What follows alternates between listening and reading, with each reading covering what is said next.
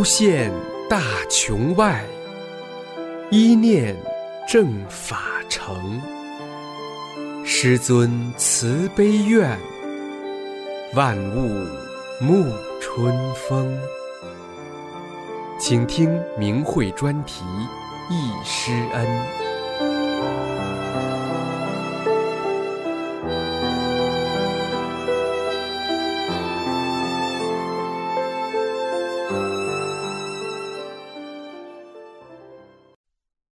听明慧文章《法光耀太行》，有幸跟随李洪志师傅，作者河北省大法弟子，发表于明慧网，二零一零年五月二十一日。明慧网世界法轮大法日征稿选登。居住在太行山脉中的我，有幸跟随师傅一段时间，见证了大法红传、众生得度的一些珍贵的历史片段。今天把这段历史记录下来，与大家分享。第一，一九九三年，北京东方健康博览会初识大法见神奇。一，邀请师傅到石家庄市讲法传功。一九九三年十二月，我以记者身份参加了东方健康博览会，代表石家庄市人体科学研究会去考察。邀请一位气功大师到河北石家庄市传功，借这个机缘，我第一次有幸亲眼见到了李洪志师傅。到了东方健康博览会上，我走到法轮功展位那儿，随手挑了一本书，想请师傅给我签字。要求签字的人是那么多，我站到排队的旁边，不知怎么办时，这时听见师傅让我把书给他，我把书举过排队人们的头顶。师傅把手伸过来，在攒动的人头上接过书，签下“李洪志，一九九三年十二月十二日”。签完字后，师傅又微笑着把书绕过排队的人头递给我，这是我永生难忘的一刻。第二天，我们找到东方健康博览会的主办方中国气功协会，问主任费德全哪个功法好，他给我们大力推荐法轮功。我们就代表石家庄人体科学研究会与师傅签订了到石家庄传功讲法的合同，传法时间是一九九四年三月三日。二，东方健康博览会见证大法的神奇。博览会期间，我把整个会场逛了一圈儿。大厅左边的三分之一是各种气功摊位，中间部位是全国各地的中西医名家坐诊的摊位。大厅的右边是磁疗、医疗器械的摊位，其他的摊位人都不是太多，人最多的就是法轮功的摊位，挤得水泄不通，好多人往里挤也挤不进去。从开始到最后一天都是人山人海的，展位前排了三行队。队排得很长，一直排到博览会大厅的门口去了。法轮功摊位的人多得不行，简直太多了，人山人海的。来找师傅治病的大多是全国各地的疑难杂症，有轮椅推着的，有担架抬着的，还有一对农村来的夫妇用铁架子抬着孩子去的。不时从法轮功摊位拥挤的人群中传出：“法轮功能治病，法轮功治病快。”我不时地听到法轮功摊位的鼓掌声、喝彩声、感激道谢声、哭声，病好了，病好了，真神奇啊！等喊声，还看到了下跪的、磕头的，喊恩人啊，恩人啊，带着哭音喊救命恩人啊，活佛在世，这都是我看到的一幕幕真实的情景。到了博览会的最后一天上午。大厅里，中间中西医摊位的医生，右边的卖医疗器械的人都丢下自己的摊位，找师傅治病去了。我问一个老中医：“你为什么还找气功治病？”他脸一红，说：“李洪志师傅能治根，我治不了。因为这个中医给我把过脉，治过病。最后他说：‘你还是找气功治病吧。’三，通过对比见证大法的纯正。”博览会最后一天下午，师傅在礼堂做学术报告。师傅把报告会的门票收入捐给了见义勇为基金会。下午，博览会主办单位还同时开评奖会。我想看一看评奖会，所以错过了那次听师傅讲法的好机会。最后颁奖仪式开始了，李洪志先生获博览会最高奖——边缘科学进步奖和大会的特别金奖，以及受欢迎的气功师称号。在该届博览会上，李洪志先生是荣获奖励最多的气功师。两个奖项因为师傅正在义务传功，所以都是带领的。我在博览会看到师傅第一眼的时候，感觉师傅很年轻，气宇非凡，与众不同。我心想，我找这样的人当我的师傅多好啊！师傅给我签字时，让我感觉是那么的和蔼可亲。师傅的笑容一下子把我心中的那种不服气和傲气驱散了。第二，一九九四年法轮功石家庄学习班喜闻大法入道中。一，师傅来石家庄讲法传功。一九九四年三月三日是我难忘的一天，今天在我脑海里回想起来还是那么的清晰。上午八点半，李洪志师傅如约来石家庄传功讲法了。地点先是河北省军分区礼堂内，先是做临时气功报告会。当天约有九百来人参加，其中有六百来人是从北京那边跟师傅搬过来的老学员，剩下的三百多人是石家庄本地的学员。师傅步入礼堂的时候，我看到师傅是那么的慈悲祥和，神采奕奕。在气功报告当中，师傅让我们把手张开，问大家手里有什么东西。我的孩子当时六岁，大声地说：“妈妈，有了，有了，像电扇一样的转转转。”我同事的孩子也同时在喊。本来会场很安静，很多人也开始跟着说，场面开始沸腾起来。师傅让大家站起来，全身放松。师傅嘴里一边说着放松，手在空中。从右到左抓了一把，我立刻感觉有一股强光一闪，我就像触电般的感觉通透全身。一九九四年三月三日晚七点，在棉三宿舍的俱乐部，一个很小、非常简陋的地方，没有椅子，也没有台阶，隔一堵墙，旁边就是跳舞的、唱卡拉 OK 的，很乱，很嘈杂。师傅毫不介意地给我们传功讲法，没有一点架子，平易近人。我们席地而坐，听师傅讲法，我感觉心里特别舒服，一切不好的烦恼都没了。第二天晚上，在师傅的帮助下，我们搬到了相对正规的棉二礼堂。师傅开始讲法，当时有九百人。二，师傅给弟子清理身体。我那时有非常不好的大附体附在我身上，很多气功师见了我都给我磕头作揖，甚至五体投地的给我下跪。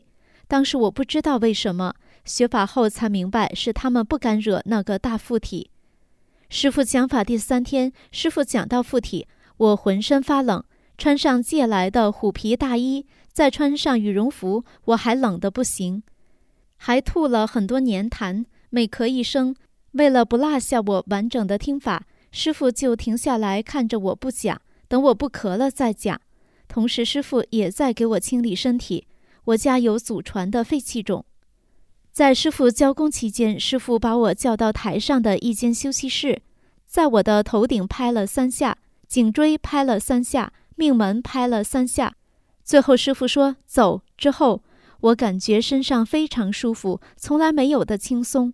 后来我问师傅为什么这些东西能来我身上，师傅告诉我以后听课就会明白，在练功的时候要睁开眼。我的同事当时听课前已经胃切除三分之二，中午吃饭时不知不觉吃了一大碗板面，又硬又宽。当时没注意，等他到礼堂见到我才说：“我今天吃的真饱，真舒服。”他张开嘴瞪着眼说：“啊，我吃这么多，而且还是面条。我自从胃切除后，从没吃过这么多呀。”他高兴地双手合十说：“谢谢，谢谢，华佗在世。”从此后，他红光满面，身体一直很好。还有一位同事是脉管炎，脚趾头露了骨头，还冒黄水。本来医院通知要给他把腿锯掉，他为了不把腿锯掉，抱着试试看的心理也来参加学习班。这位同事参加完八天班以后回家，他的腿已经结痂了，不流黄水了，而且慢慢的长出新肉了。鞋里边原来总是湿湿的，现在也不湿了，保住了他的腿。他见人就说：“师傅真有本事，快学法轮功吧！你看我这病都好了。”最后一天，大家集体照相时，有一个同事孩子才六岁，从四楼摔下来后做了手术，因脑袋里有淤血，如果一散开就容易压迫神经而瘫痪。这个同事为给孩子治病，不知花了多少钱。同事带他的孩子来听课，后来师傅来看孩子，用手在头顶上摸了两下，孩子就好了。这个孩子到现在身体一直很好。三，我的杂病师傅都为我清理了。我练法轮功之前，身上有很多种病，有风湿性关节炎、胆囊炎、胃浅表性出血、十二指肠炎、妇科病、祖传的肺气肿等等，反正是五脏六腑都有病，摸哪儿哪儿痛。最主要的是头痛。我生完孩子得了产后风，浑身发冷、头疼，疼得只想往墙上撞，疼得在床上打滚。疼得恨不得一头撞死，西医看不好，我丈夫就是医生，给我找了很多好医生，名医也看不好，片子也看不出来，谁也检查不出来，就是头疼，就是难受。夏天穿棉袄棉裤，冬天出门穿着皮大衣还得加羽绒服，帽子口罩都捂得严严的。二十岁看起来像三四十岁的样子，特别憔悴，脾气还非常暴躁。西医、中医都治不好了，我就找巫医神汉，找了一个跳大绳老太太看，说我被某某大仙看上了，要让我顶起这摊儿，只像他一样给人烧香看病，不然大仙不放过我。我害怕了，请他给我了断，他说他不行，道行太浅。我又找来很多所谓的气功大师给我治病，却越治我身体越弱，别人都治不了我的病。在听完师傅讲法回来以后，感触最深的变化是我的脸不再干黄干黄了，不再感冒了，不怕冷了。冬天不用穿那么多、那么厚的衣服也不冷了。夏天脱了棉衣、毛衣，我竟然穿上了我想都不敢想的裙子，甚至还去游泳了。我开始往年轻方向变，短短十天，由三四十岁恢复到二十多岁的样子，红光满面，白里透红。听完课回来，有一天晚上，我丈夫出差，我和孩子在家。那天晚上，我一宿没睡，几分钟尿一次，几分钟尿一次，下身火辣辣的痛，像万把针扎一样的疼，难以忍受。刚躺下又起来尿，起来躺下，起来躺下，折腾了一宿。天亮时才休息了一个多小时。天亮后，我往厕所倒痰盂，很沉，因为痰盂盖着盖儿。我没注意里面是什么样子。当我往厕所倒尿时，倒不出来，我很吃惊，怎么回事呢？我低头一看，宝葫芦形状的痰盂口小肚大，往外倒倒不出来。我非常吃惊，原来里面已经不是尿，已经成了一个坨了，而且浓多血少，整整一坛鱼。我害怕了，但我又非常兴奋。我第一感觉是我的病好了。谢谢师傅，谢谢师傅。我说了无数个谢谢师傅。我赶紧打电话给我的丈夫，让他赶紧回来。我丈夫回来一看，他惊讶地说：“怎么回事？这是什么？”我说：“这是我尿的，昨晚一宿没睡尿的。”我问他：“这是什么？”他瞪着眼，张着嘴，愣神儿：“这是你尿的。”我很严肃地点点头。他又端起痰盂仔细看。因他是内科大夫，他知道这个的分量是什么。他眼睛看着痰盂，自言自语地说：“这得多大的瘤子啊！现在的医学做不到啊，不可思议。”通过这件事情，我丈夫也走入了法轮功的修炼。后来他参加了师傅在济南的讲法班。我身体的变化，家里都知道。陆陆续续，我的姐妹，我们全家都走上了修炼法轮大法的路。每次提到这件事，我都感动的落泪，太感谢师傅了。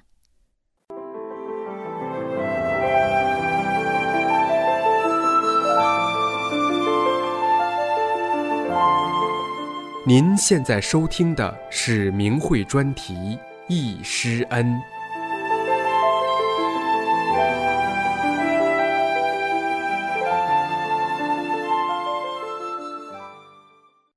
四，慈祥伟大的师傅。师傅在石家庄传法的最后一天，十一号上午八点半，在工人体育馆西门，或以地区，或以片区为小组和师傅照相。专业给照相的要每人十元钱，师傅说太贵，从学员中找会摄影的，就这样价钱降到了每人一元。师傅时时处处为别人着想，不愿给学员增加经济负担。开始照相了，一批学员站好队，师傅和这批学员照一张，换一批学员，师傅又和他们照一张，再换一批学员再照一张，人特别多，一直到中午。师傅一会儿被要求在这儿站着，一会儿又让在那儿站着。师傅没有一点怨言，我心里肃然起敬。这么一个大师，名望那么大，却没有任何架子。我见的所谓的气功大师太多了，没有一个像师傅这样没有一点架子，这么随和。回想到当时的一幕幕，我对师傅的敬佩无法言表。用尽我的语言也形容不了师傅的慈悲、祥和、仁慈、厚爱。在石家庄，我第一眼看到师傅的衣着特别朴素，对我印象最深的就是师傅那双鞋。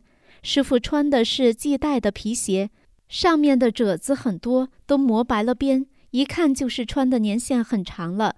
师傅的衣服也是普普通通的便装，绛色的外套，深灰色的裤子，特别整洁。穿在师傅身上，感觉很大气。在教学员进宫时，师傅脱了鞋，盘腿打坐。因为我坐的离师傅非常近，我看到师傅穿着一双白色的袜子，虽然洗得很干净，也能看出穿的时间很长了。脚趾肚、脚后跟都发黄了。还有师傅的毛衣。教进宫时，师傅把外套脱了，我看到师傅穿的是 V 字领的灰色毛衣。胳膊肘处的线已经磨得很细很稀，都快磨破了，依稀可以看到里面的衬衣，一看也穿了很多年了。我在北京见到过很多所谓的气功大师，他们都是穿的名牌衣服、名牌的鞋，甚至有的戴着金戒指。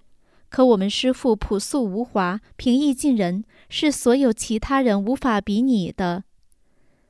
五初修大法后的提高和改变。我终于找寻到了正法大道，又找到了这么伟大的师傅，好像我从心底深处很早很早就想找到师傅。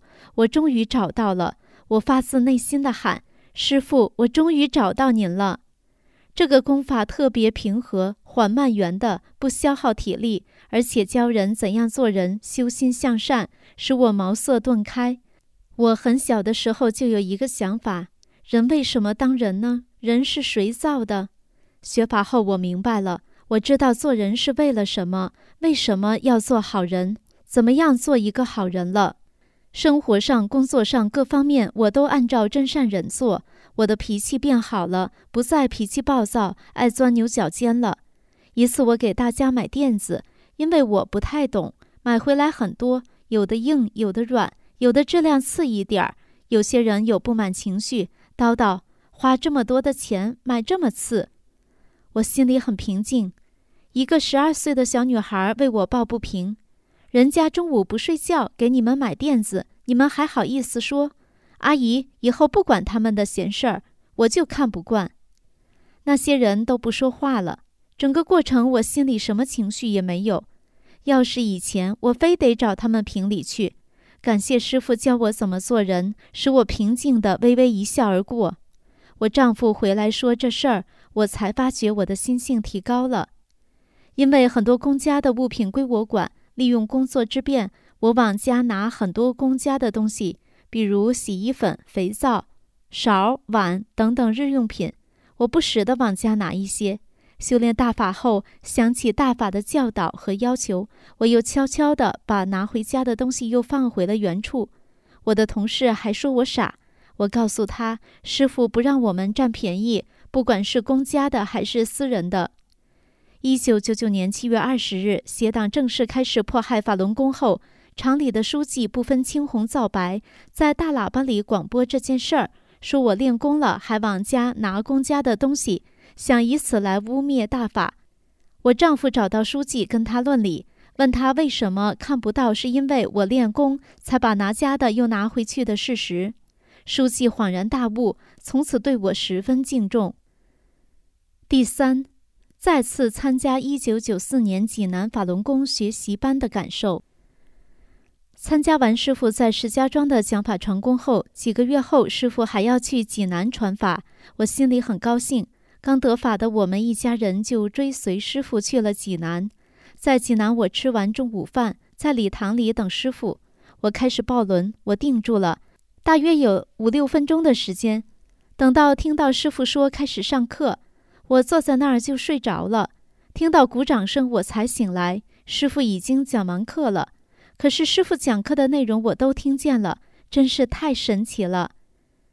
回住处的路上，我回想起了我抱轮定下来的感觉，什么都没有，高高大大，无限的大，无限的大。后来有同修告诉我，我抱轮时，师傅一直看着我，是师傅的加持使我出现了这种状态。在济南有一次，我们坐公交车去听师傅讲法，半路上公交车的车胎爆了。因为车上人很多，我一看都是外地的学员，我们赶不上听课了。司机说：“别急，等一下下一辆就来了，到时把大家送走。”但时间多久不清楚。一个同修说：“别担心，都是干扰，师傅会安排的。”车上开始平静下来，陆陆续续下车了。没一会儿，一辆公交车到了，我们赶去会场，不但没迟到，还早到了一会儿。在济南有三千至四千人参加大法的传授班，我领着孩子和家人坐在了师傅的对面，认真听师傅讲法。这次听法和头一次不一样了，上次光想着让师傅给治病，没有认真听。这次我认真的听着师傅的讲法，短短的三个月时间，我和换了一个人一样，我的身体健康，思维敏捷，我还穿着裙子。听课中，师傅要给我们清理身体。让我们都站起来，跺脚放松，心里想一种病。如果没有病，可以想家人的。跺完后，师傅说：“放松，放松，轻松极了。”回想起这些，我都心里久久不能平静。中午吃饭，有的学员给我们讲，他看到师傅去小地摊吃饭了。师傅点了碗面条，吃完饭把桌上掉的捡起来吃。有一个学员剩了半碗面条，师傅也吃了。有位同修眼里含着泪说：“师傅真伟大。”我女儿六岁多，在和师傅合影照相时，女儿一直没有朝照相机的镜头看，而是仰起脸朝向师傅，一双眼睛看着师傅，视线一直没有离开。过后，我问女儿为什么总看着师傅，女儿歪着头，用手指着胸前说。我要把师傅记在心里，孩子的话让我十分感动。第四，法轮大法红传世界。回去后，我们这些先得法的，又把法轮大法的美好与更多善良的人们分享。我们单位修炼法轮功的，从当初的十几个人，发展到一九九九年七月二十日前的六百多人。就是在这被迫害的十一年当中，通过法轮功学员讲清真相。现在越来越多的人明白了真相，认清了迫害的无耻与残酷，不再附和这个迫害全体中国人民的邪党了。而且很多有缘有识之士，不断的参加到修炼大法的行列中来。经历了这十一年的狂风暴雨，法轮大法红传到全世界一百一十四个国家和地区，除了中共邪党，没有任何一个国家和地区迫害法轮功。法轮大法被全世界善良的民众所喜爱推崇。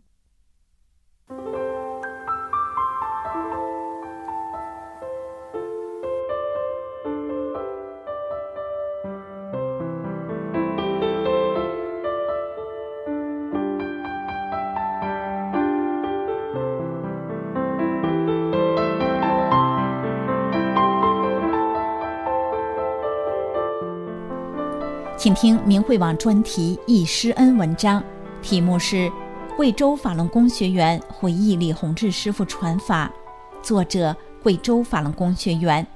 文章发表于明慧网，二零一零年七月二十五日。一九九三年五月，李洪志师傅受贵州气功报社的邀请，第一次莅临贵州，做了一次代工报告，并举办了两期学习班。一些气功爱好者听取了咨询报告会后。被法轮大法高深的法理所吸引和折服，纷纷奔走相告。众多有缘人踊跃报名，参加了师傅在贵阳举办的第一、二期学习班。身心受益的学员现身说法，都想把法轮功的美好与珍贵告诉更多的人，让更多的人都能受益。结果，有的单位一下就有几车人来参加。由于反响强烈。同年八月，贵州省气功协会邀请师傅再次莅临贵州，举办第三期学习班。一九九三年代工报告会是在贵阳工人文化宫举办，第一期学习班在贵州省地质矿产局职工活动中心，第二期在贵阳医学院礼堂，第三期在贵州省政府礼堂和南明区青少年宫分别举办。第一期约有两百多人参加。第二期约有八百多人参加，第三期近一千四百人参加。一九九七年九月，李洪志师傅第三次莅临贵州，在贵阳八角岩饭店为部分学员解答修炼中遇到的问题。这是到目前为止师傅最后一次莅临贵州传功讲法。由于九九年中共的镇压迫害后，学员们在国内再也没有机会见到师傅。我们贵州大法弟子对师傅亲临贵州传法的这段珍贵的时光怀念不已。众多参加过传功班、亲眼见过师傅的学员们，每每回忆起来都是激动万分、热泪盈眶。法轮功学员甲说：“法轮功学习班是收费最少的，全国各种气功班里，法轮功是收费最少的，每期班约收四五十元。”再次参加班的老学员只收一半的钱。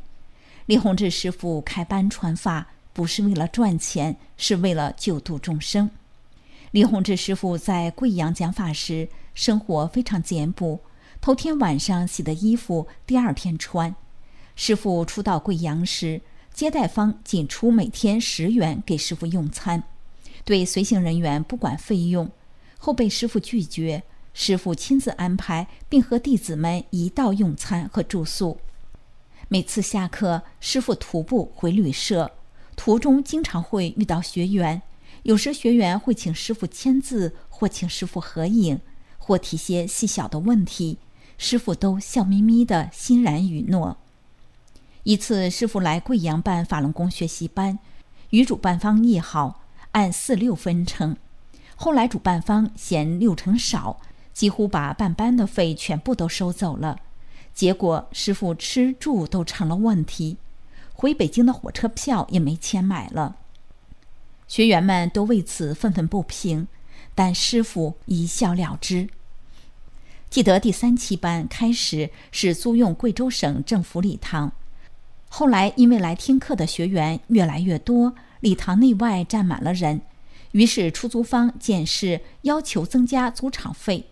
师傅善意解释说，前面办班时有人嫌收费低，要求提高学员门票。考虑我传法宗旨是渡人，不能给学员造成困难。现在中途要加收钱，增加学员负担，我不同意。当时对方没有达到目的，做了许多出格的事儿，以各种借口要求退出礼堂，但师傅宽怀待人，根本不予理会。只是把会场换到青少年活动中心后继续讲课。九九年前，法轮大法在中国大陆深受民众欢迎，全国各地的气功报告、气功协会、当地政府纷纷邀请李洪志师傅到各地传功讲法。由于承办方常常以盈利为目的，认为对参加班的学员收费越高越好，而师傅一再强调。我传法是为了救度众生，不能增加学员的经济负担，要求降低收费。为此总是与承办方意见发生分歧。在贵州贵阳的几次传法办班中，由于承办方预期盈利目标没有达到，就故意刁难师傅，给师傅制造了许多麻烦。最后，师傅倒贴钱来支付部分费用，致使给师傅及随从工作人员的生活造成困难，而师傅长期靠吃方便面生活。法轮功学员已回忆道：“师傅时时处处言传身教。由于人到中年，我身体出现各种各样的疾病，听说气功能祛病健身，于是我从1987年开始学练各种气功，直到1993年，我才接触到了宇宙中最正的功法——法轮功。93年5月，法轮功创始人李洪志大师应贵州省气功协会的邀请。”风尘仆仆赴贵阳传功讲法，我和弟弟到贵州气功报社拿书，听见李洪志师傅将在贵阳办咨询报告的消息，于是我俩就报名参加了。我们是贵州省第一个报名参加班的学员，第一期学习班有两三百人参加。当时印象最深的就是师傅说的：“练功人要讲心性，要重德。”要做到打不还手，骂不还口。接触了这么多种气功，法轮功是我见过的最正的功法。师傅讲课时不用讲稿，语言干净利落，娓娓道来。大法真理强大的感染力一下子吸引住了学员们的心。讲课中，师傅根据学员们接受的情况，随时变换，采取相应的传授方式，用浅白易懂的语言。道出博大精深的法理。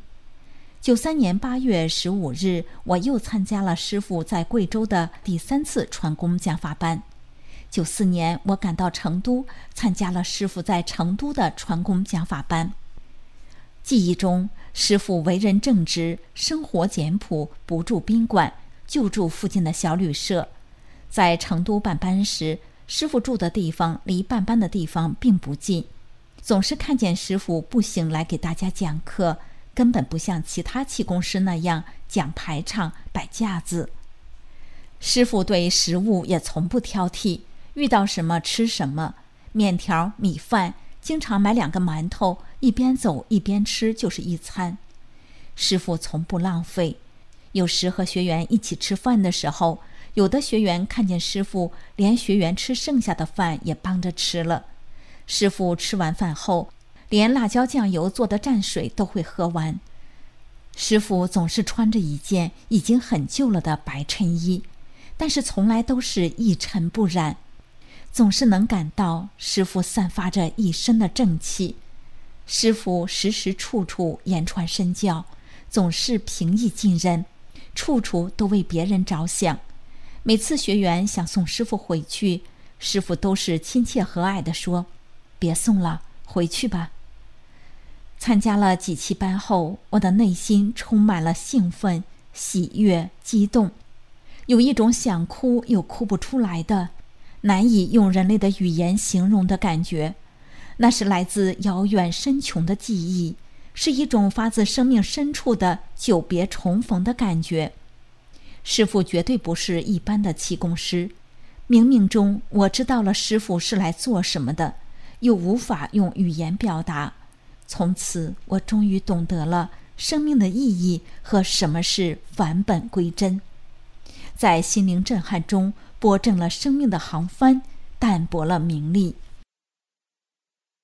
法轮功学员丙说：“被抬着入场的我能走了。”学员丙含着泪说：“修炼法轮功前，我是几十年的老病号。”每年入秋就离不开棉帽衣裤，长期卧床，成了全家人特殊保护的对象和累赘。听闻师傅亲自到贵阳传佛法，无论如何都要去听。朝闻道，夕可死，这是离死不远的我当时唯一的心愿。我是被家人抬进师傅传工厂的，在师傅给学员们清理身体时，我马上感到一大股阴凉气。往脚底下出去了，顿时全身暖乎乎的。清理完后，师傅说：“放松，站起来往前走。”开始我的心七上八下，通通跳。师傅鼓励说：“别怕，没事的，你走呀。”于是我竟然行动自如，走起来。全场鼓励的掌声使我泪水连连。当时我的天目也开了，看到另外空间很多神奇的景象。自此，我们全家三代人绝对信师信法，无论风云怎么变幻，恶人的镇压多么的疯狂，都动摇不了我们兼修大法的心。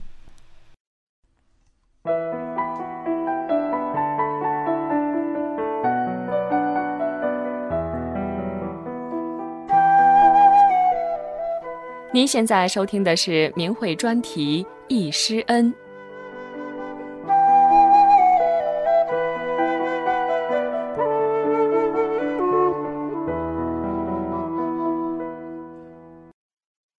法轮功学员顶回忆道：“少了一个车轮，仍然安全到达。”师傅在贵州传法，每一期班都发生了很多神奇的事。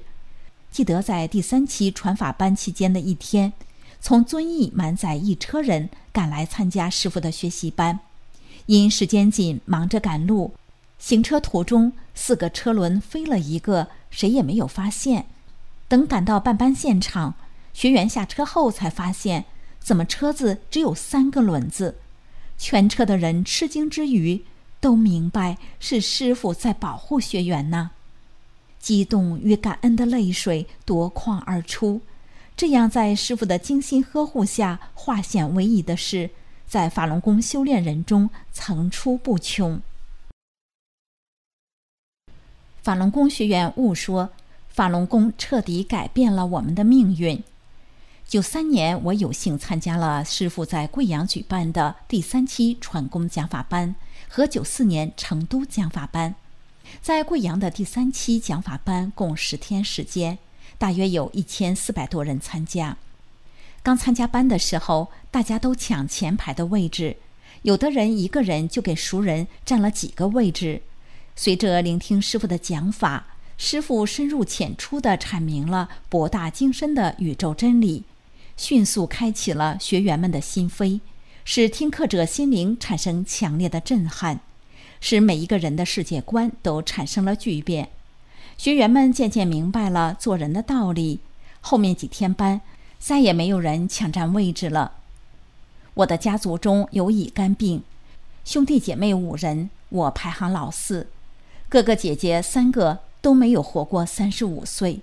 我和弟弟也有这个病。弟弟也是被医院几次判了死刑的人，没有想到法轮功彻底改变了我们的命运。每一期学习班，师傅都给学员们调理身体。在学习班上，师傅叫大家站起来，想到自己或者亲人身上病最重的地方，师傅喊一二三，大家就跺脚，病就下去了。几次参加师傅的班。我想到自己和亲人的各种疾病，我们一家人多次得到了师傅清理身体。我从学习班出来，走在回家的路上，感觉有一只大手从我的肝部拉出一大坨东西，从此我的乙肝病就没有了。修炼法轮功后，我身上过去的各种疾病都消失了。我知道是师傅不断的给我净化了身体。从九三年参加班后，我真正成了一个身心健康的人。从九三年到现在，我再没有吃过药，医疗卡从来没用过，为国家和个人节约了一大笔的医药费。我那已经被医院几次判了死刑的弟弟，也奇迹般的活了下来。医生对他说：“你的命也太长了，别人像你这样的情况早死了。”你却至今还活着。法轮功使众多的弟子道德回升，身体健康，于国于民有百利而无一害。可是九九年起，中共开始镇压法轮功，迫害大法弟子，我被非法劳教，被非法关押到洗脑班。面对这场邪恶的镇压，在最艰难的时候，我的家人始终都支持着我，保护着我。保护着大法的书籍资料，勇敢地与我一起面对这场史无前例的最邪恶、最血腥的迫害。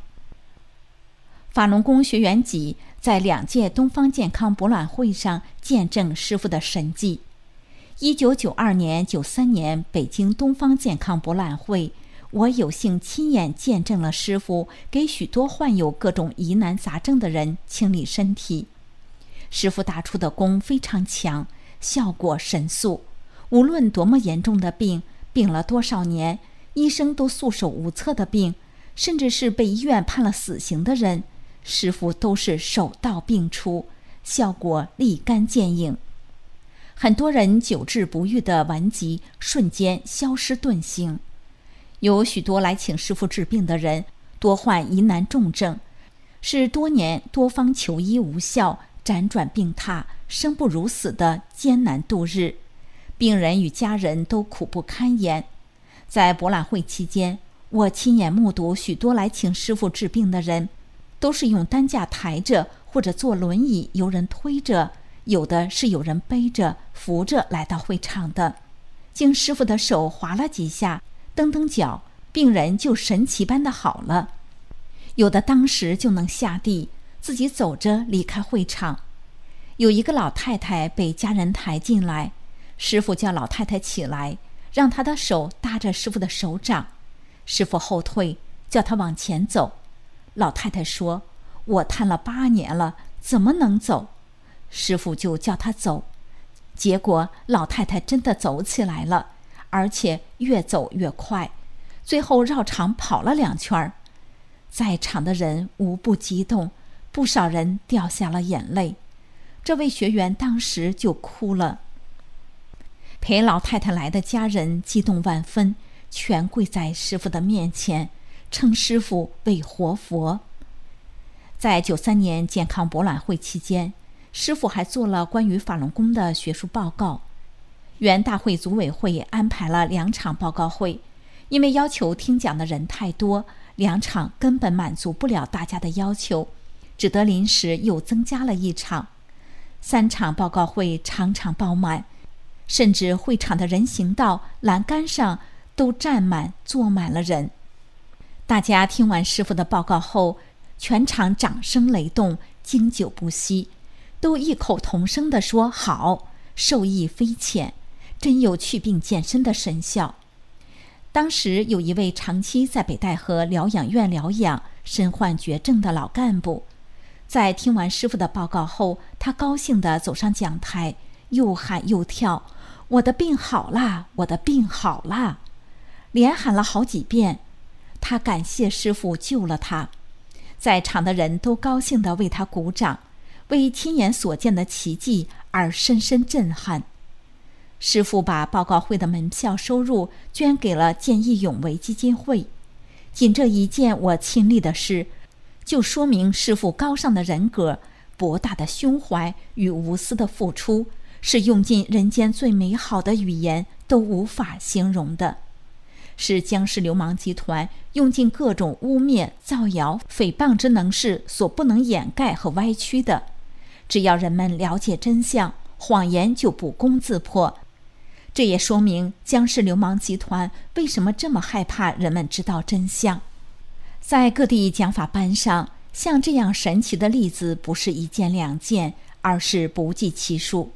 几乎每个法轮功学员身后。都有一个神奇而感人的故事，这也是法轮功为什么会在短短几年的时间就能深入人心，在中国乃至世界红传开来，修炼的弟子上亿的原因。所有身心受益的学员都是见证人。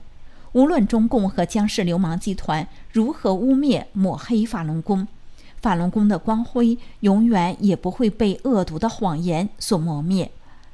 一九九二年五月十三日至一九九四年十二月二十一日，师傅应各地官方气功科学研究会邀请，在中国各地共举办五十四期法轮功面授班，每期约十天，数万人参加。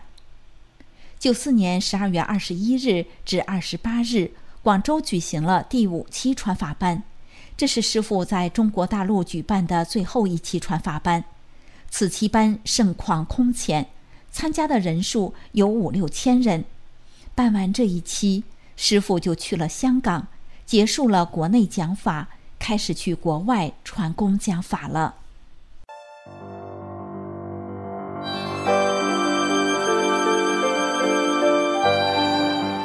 这一期的一师恩就到这里谢谢收听。